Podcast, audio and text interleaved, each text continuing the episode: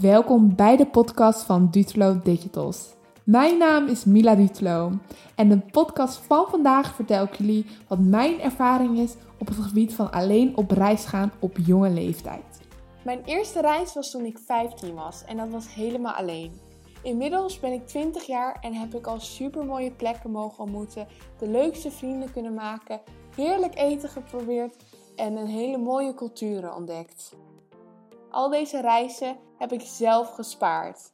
En in de podcast ga ik vertellen hoe ik dit heb gedaan. Hou je ook zoveel van reizen net als ik? Zou ik zeker de podcast van vandaag luisteren. Zoals ik al in de intro vertelde, ben ik op hele jonge leeftijd alleen op reis geweest. Namelijk toen ik 15 was. Deze reis heb ik trouwens van mijn oma gekregen, maar alle reizen die daarop volgden heb ik zelf betaald en gespaard. En dan ga ik ook vertellen hoe ik dat heb gedaan. Zoals misschien jullie dat ook kunnen doen in de toekomst. Als het weer kan ook allemaal. Nou, ik begon mijn eerste reis alleen en ik ging op taalkursus. Ik ben een taalkursus gaan doen om mijn Engels te verbeteren. En dat heb ik gedaan met de organisatie EF. En ik ben naar Cambridge geweest. Ja, was dus mijn eerste reis. Heel spannend, maar het viel achteraf allemaal wel mee. Ik ging ook voor het eerst in het vliegtuig. Nou, dat valt wel mee hoe spannend ik dat vond. Nou, het was natuurlijk even wennen, maar ehm, ja, ik had het allemaal overleefd.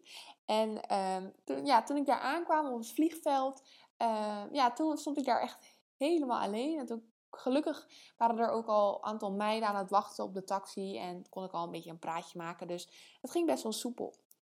Nou, op het moment dat ik in het gastgezin aankwam, dat was heel erg wennen voor mij. Want ik was in een familie, die je kent de mensen niet, je weet niet wat voor een familie je terechtkomt. Je weet eigenlijk helemaal niks. Je wordt helemaal in het diepe gegooid.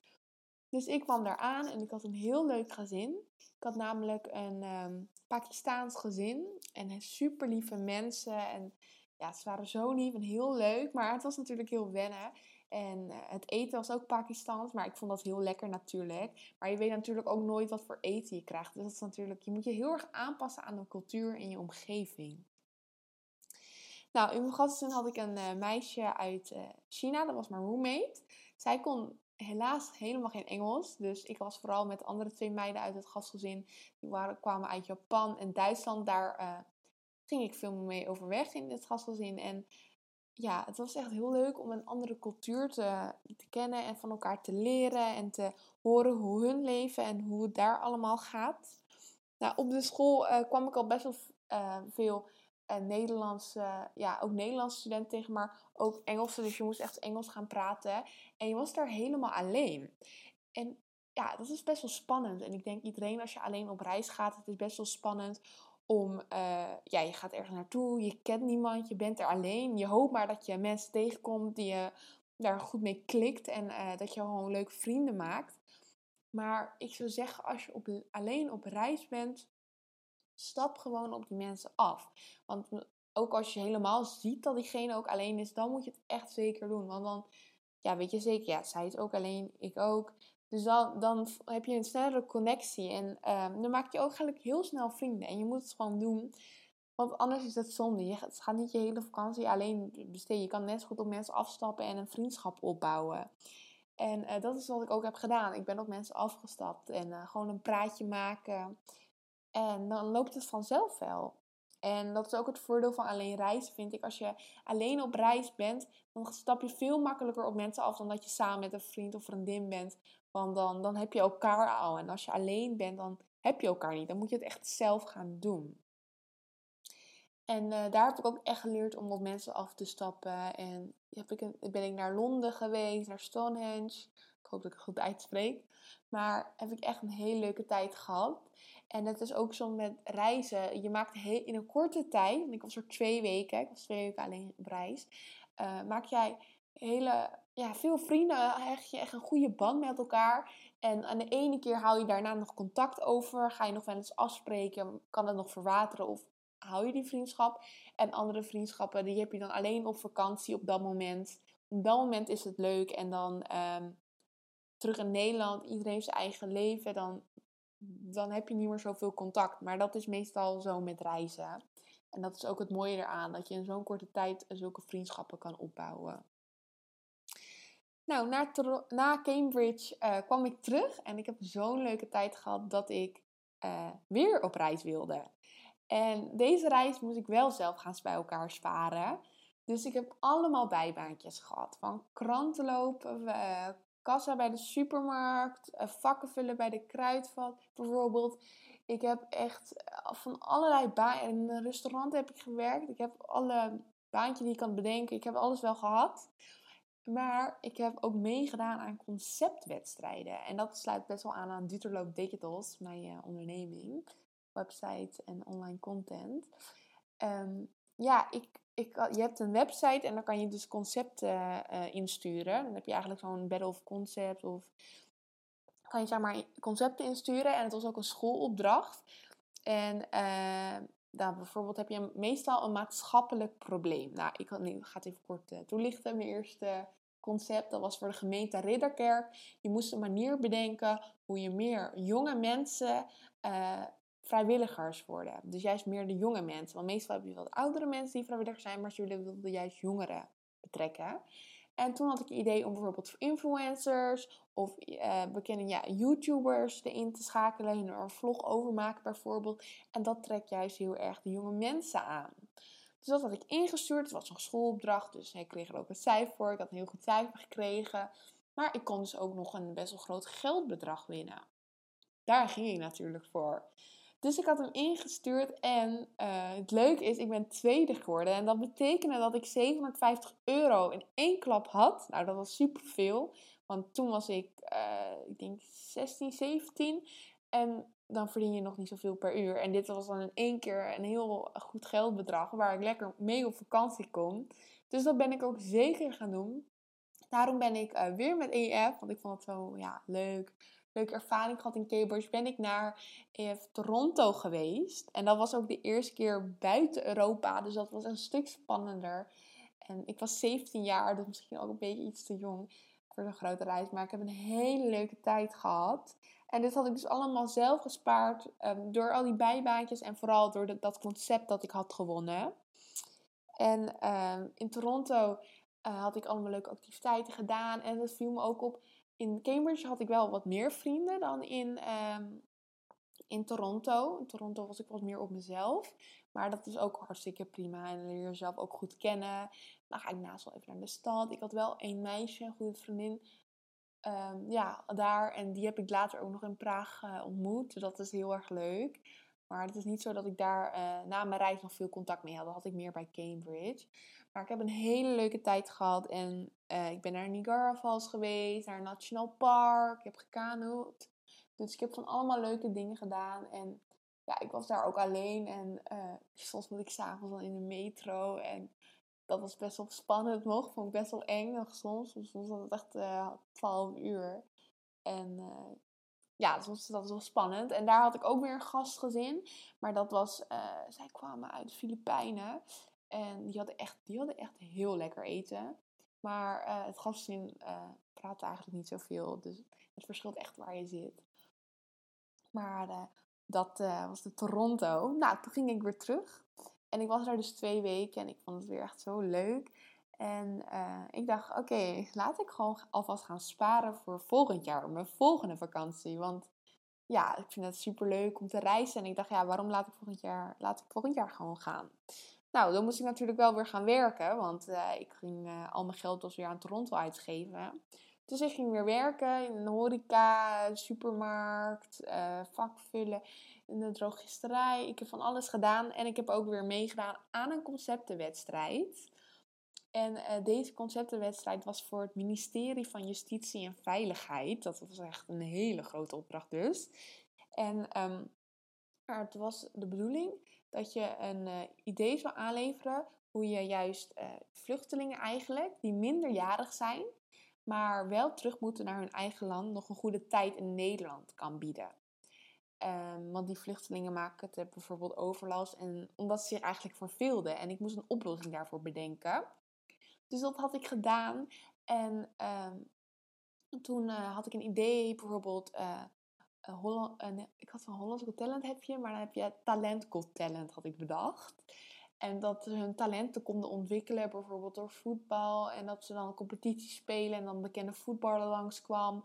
Of een uh, zangkunsten. Of misschien kan iemand heel goed schilderen of tekenen. Dat ze dat kunnen ontwikkelen door middel van een activiteit. Dat heb ik dus gedaan. Ik heb dus een concept aangeleverd. En um, ik had natuurlijk wel een beetje hoop of ik door, om door te gaan of niet. Maar ik ging er gewoon blanco in. En toen kreeg ik een telefoontje dat ik dus door was. Ik stond in de top 5. En toen moest je hem nog om in de top 1, 2, 3, de bepaling, moest ik nog een pitch doen. En die pitch was dus bij het ministerie van Justitie en Veiligheid. Dus ik was, ik was 17, 18. En toen heb ik, ben ik gaan pitchen. Dus allemaal volwassenen, waren alleen maar volwassenen die daar meededen. Ik stond in de top 5, was uh, uh, 18-jarig volgens mij. En ik ging pitchen aan het ministerie. En dat was zo gaaf, zo'n leuke ervaring. En ik kreeg ook heel veel complimenten. Dus dat was heel fijn. Ik vond het heel leuk om te doen. En uiteindelijk ben ik uh, derde geworden. En had ik 450 euro gewonnen. Volgens mij, of 500, ik weet het niet meer precies. En toen oh was ik weer heel blij. Had ik weer een goed zakcentje om mee op reis te gaan. En toen dacht ik, oké, nu wil ik echt mijn vakantie gaan boeken. Dus uh, ben ik gaan kijken waar ik nu naartoe wilde. Nou, ik ging weer met EF, want ik vond het gewoon een fijne reis vorige keer. Maar ik wilde ook heel graag naar Azië een keer. En uh, ik wilde mijn Engels verbeteren. Dus ik ben op zoek gegaan naar een land wat dan Engelstalig ook is. En dat was Singapore. En uh, ja, door die reis in Singapore is ook mijn hart voor Azië gaan kloppen. Want die vakantie vond ik zo bijzonder, zo leuk. En ik heb echt die cultuur gezien. Ik heb ook meerdere land, landen ben ik naartoe gegaan. Um, dus ik ben naar Singapore gegaan in de zomer van 2019. En ook raam te beseffen dat het eigenlijk mijn laatste lange reis was uh, voordat corona uitbrak. Dus um, daar heb ik dus echt hele goede herinneringen aan ook. EF kon je dan ook in contact komen met studenten die dan ook naar Singapore gingen. Dus ik had uh, een meisje een berichtje gestuurd en zij ging dus ook naar EF. En ze verbleef ook in een gastgezin. En heel toevallig, zij verbleef dus in hetzelfde gastgezin als ik. Dus ik wist al wie, uh, wat voor roommate ik had. Dus dat was heel erg leuk. Dus ik ging naar Singapore met het vliegtuig. En ik kwam daar aan. En het was echt ja, zo fascinerend gewoon die airport van Singapore is wel bizar groot. Dat is echt niet normaal met het waterval van alles en nog wat. Nou, ging ik naar mijn gastgezin. En ik had een heel leuk Chinees gezin. En ik kwam daar zo aan en ik kreeg ook meteen uh, eten. Een heel ander soort eten dan uh, ik normaal zou eten. Ik kreeg echt van die vormpjes, van die sprinkhaanachtige dingen. En allemaal apart eten. Maar ik vind het natuurlijk super leuk om te proberen. Dus ik probeerde dat ook allemaal gewoon. Dus dat vond ik heel erg leuk. En het is totaal anders. Echt een cultuurshock wat je krijgt. Maar dat vind ik juist heel erg leuk. Ja, dat doet mij goed eigenlijk. Dus uh, ik ging daarheen. En uh, tijdens die reis uh, ben ik toen ook naar Indonesië en Maleisië gegaan. Na het eerste weekend ging ik naar Indonesië. En ik ging dan met EF, de organisatie organiseerde Indonesië, die, dat, die trip. En toen ging ik met allemaal Japanners en vanuit Tsjechië en uit Frankrijk en Zwitserland. En toen had ik een hele leuke tijd daar. En toen kwamen ook heel veel Japanners. Dus toen heb ik met heel veel Japanners opgetrokken. En uh, ja, die, die, zijn dat soort eten ook gewend. Dus ging ik op een gegeven moment ook eten op een, uh, op een restaurant op het water. En uh, was allemaal gekke dingen. En hun kenden alles. Dus het was heel grappig om dingen uit te proberen. Toen zijn we ook naar een feestje geweest. En het was echt heel erg leuk. En ook heel andere cultuur en gepraat over hoe het bijvoorbeeld is in Japan en in Europa. Wat zijn de verschillen? Dus je komt heel erg uh, veel te weten als je alleen gaat. En je moet er gewoon op afstappen, zoals ik al had verteld. Gewoon naar die mensen toe gaan, want het is juist heel leuk om dingen te leren van andere culturen.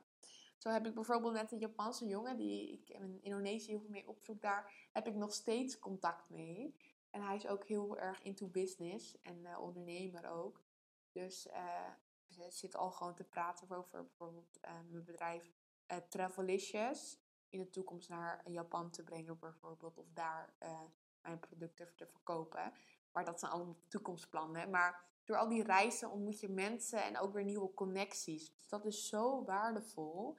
Reizen kan je zo ver brengen dan alleen een mooie reis maken. En vooral als je alleen reist.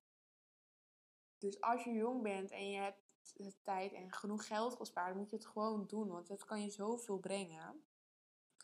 Nou ben ik ook in Maleisië geweest en dat uh, hadden we zelf georganiseerd. Ik met een uh, vriendin uit Rusland en uit Tsjechië zijn wij naar Maleisië geweest. En dat was ja, heel erg leuk. Die cultuur daar, het was gewoon... We gingen ook echt met z'n tweeën, dus we hadden niet met iemand van de EF. We gingen gewoon met z'n ja, met drieën totaal dus.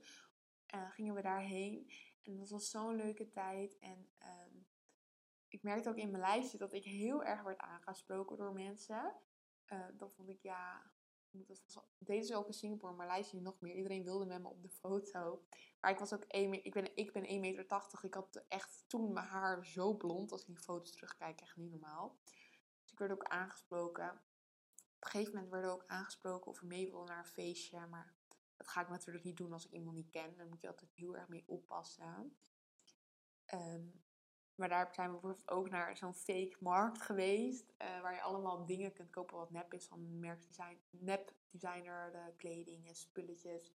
En op een gegeven moment, wel een grappig verhaal. Ik wilde zo'n uh, Chanel portemonnee voor mijn OV-chipkaart en mijn pasjes. En meestal ga je afdingen natuurlijk. Dus ik natuurlijk proberen af te dingen, maar die man zei: nee, nee, het is goede kwaliteit. Ik ga niet naar beneden. Dus ik dacht: ja, meestal gaan die dingen over een paar maanden weer kapot of een jaar of zo. En dat is nog best wel lang een jaar. Maar ik vond hem zo leuk en hij vond hem echt mooi. Dus ik dacht, oké, weet je wat, ik koop hem gewoon. Dus dat Chanel portemonneetje neppen was dus 25 euro omgerekend. En tot de dag van vandaag is dat portemonneetje nog steeds in dezelfde staat toen ik hem kocht. Dus die man had gewoon gelijk. Hij is gewoon in goede kwaliteit. Dus dat is best wel grappig. En ik heb met iemand dus al twee jaar. Dus uh, ja, soms kan je er ook goede dingen halen. Maar dat was echt heel leuk. En het eten. En dan had je de Batu Caves. En dat is dan dat, die grote gouden boeddha in het midden. En die kleurrijke trappen en die tempels. Het was zo bijzonder. En ja, die reis naar Singapore en Maleisië Indonesië heeft me zoveel gebracht. En zo, ik heb zoveel leuke mensen ontmoet. Daar, nou, toen ben ik daar dus geweest. Ging terug naar Nederland. En ik heb trouwens ook, uh, ging ik, tijdens mijn reis Singapore ben ik stages gaan zoeken. Uh, om in februari stage te gaan lopen. Nou, dat is een heel ander verhaal. Dat ga ik zeker nog in een podcast vertellen hoe dat is gegaan. Want mijn zoektocht naar een stage is niet zo uh, makkelijk geweest. Met heel veel tegenslagen. Maar daar vertel ik meer over in een andere podcast. Maar ik ben dus terug naar Nederland gegaan. En ik heb, heb tot, tot de dag van vandaag nog steeds contact met een aantal mensen. Uh, en ik heb ze al uh, gezien, ontmoet al eerder uh, dit jaar. Ik ben bijvoorbeeld toen we terug waren, want dat was augustus, september begin. Um, heb ik in oktober ben ik mijn vriend uit Polen en Tsjechië heb ik ontmoet in Praag. Dus dat was heel erg leuk. En hun zijn afgelopen zomer 2020 ook naar mij toe gegaan. Dus ik heb al heel veel met hun ook andere landen gereisd. En dat was heel erg leuk. En ja, mijn plan is ook nog om naar Japan dus te gaan. Die jongen um, had eigenlijk al vliegtickets gekocht voor naar Nederland, maar dat kon niet doorgaan door corona. Maar het staat zeker op de planning om nog naar Japan te gaan en om hem te ontmoeten. En hij naar Nederland uh, komt. Maar ik heb ook nog steeds contact met iemand uit uh, Zwitserland. En heel, dus heel veel contact uit uh, met die jongen uit Polen. Maar het is ook wel leuk, want ik ben zelf half Pools. Maar eigenlijk praten we wel Engels met elkaar. Maar ik probeer wel Pools te praten om het uh, bij te spijkeren.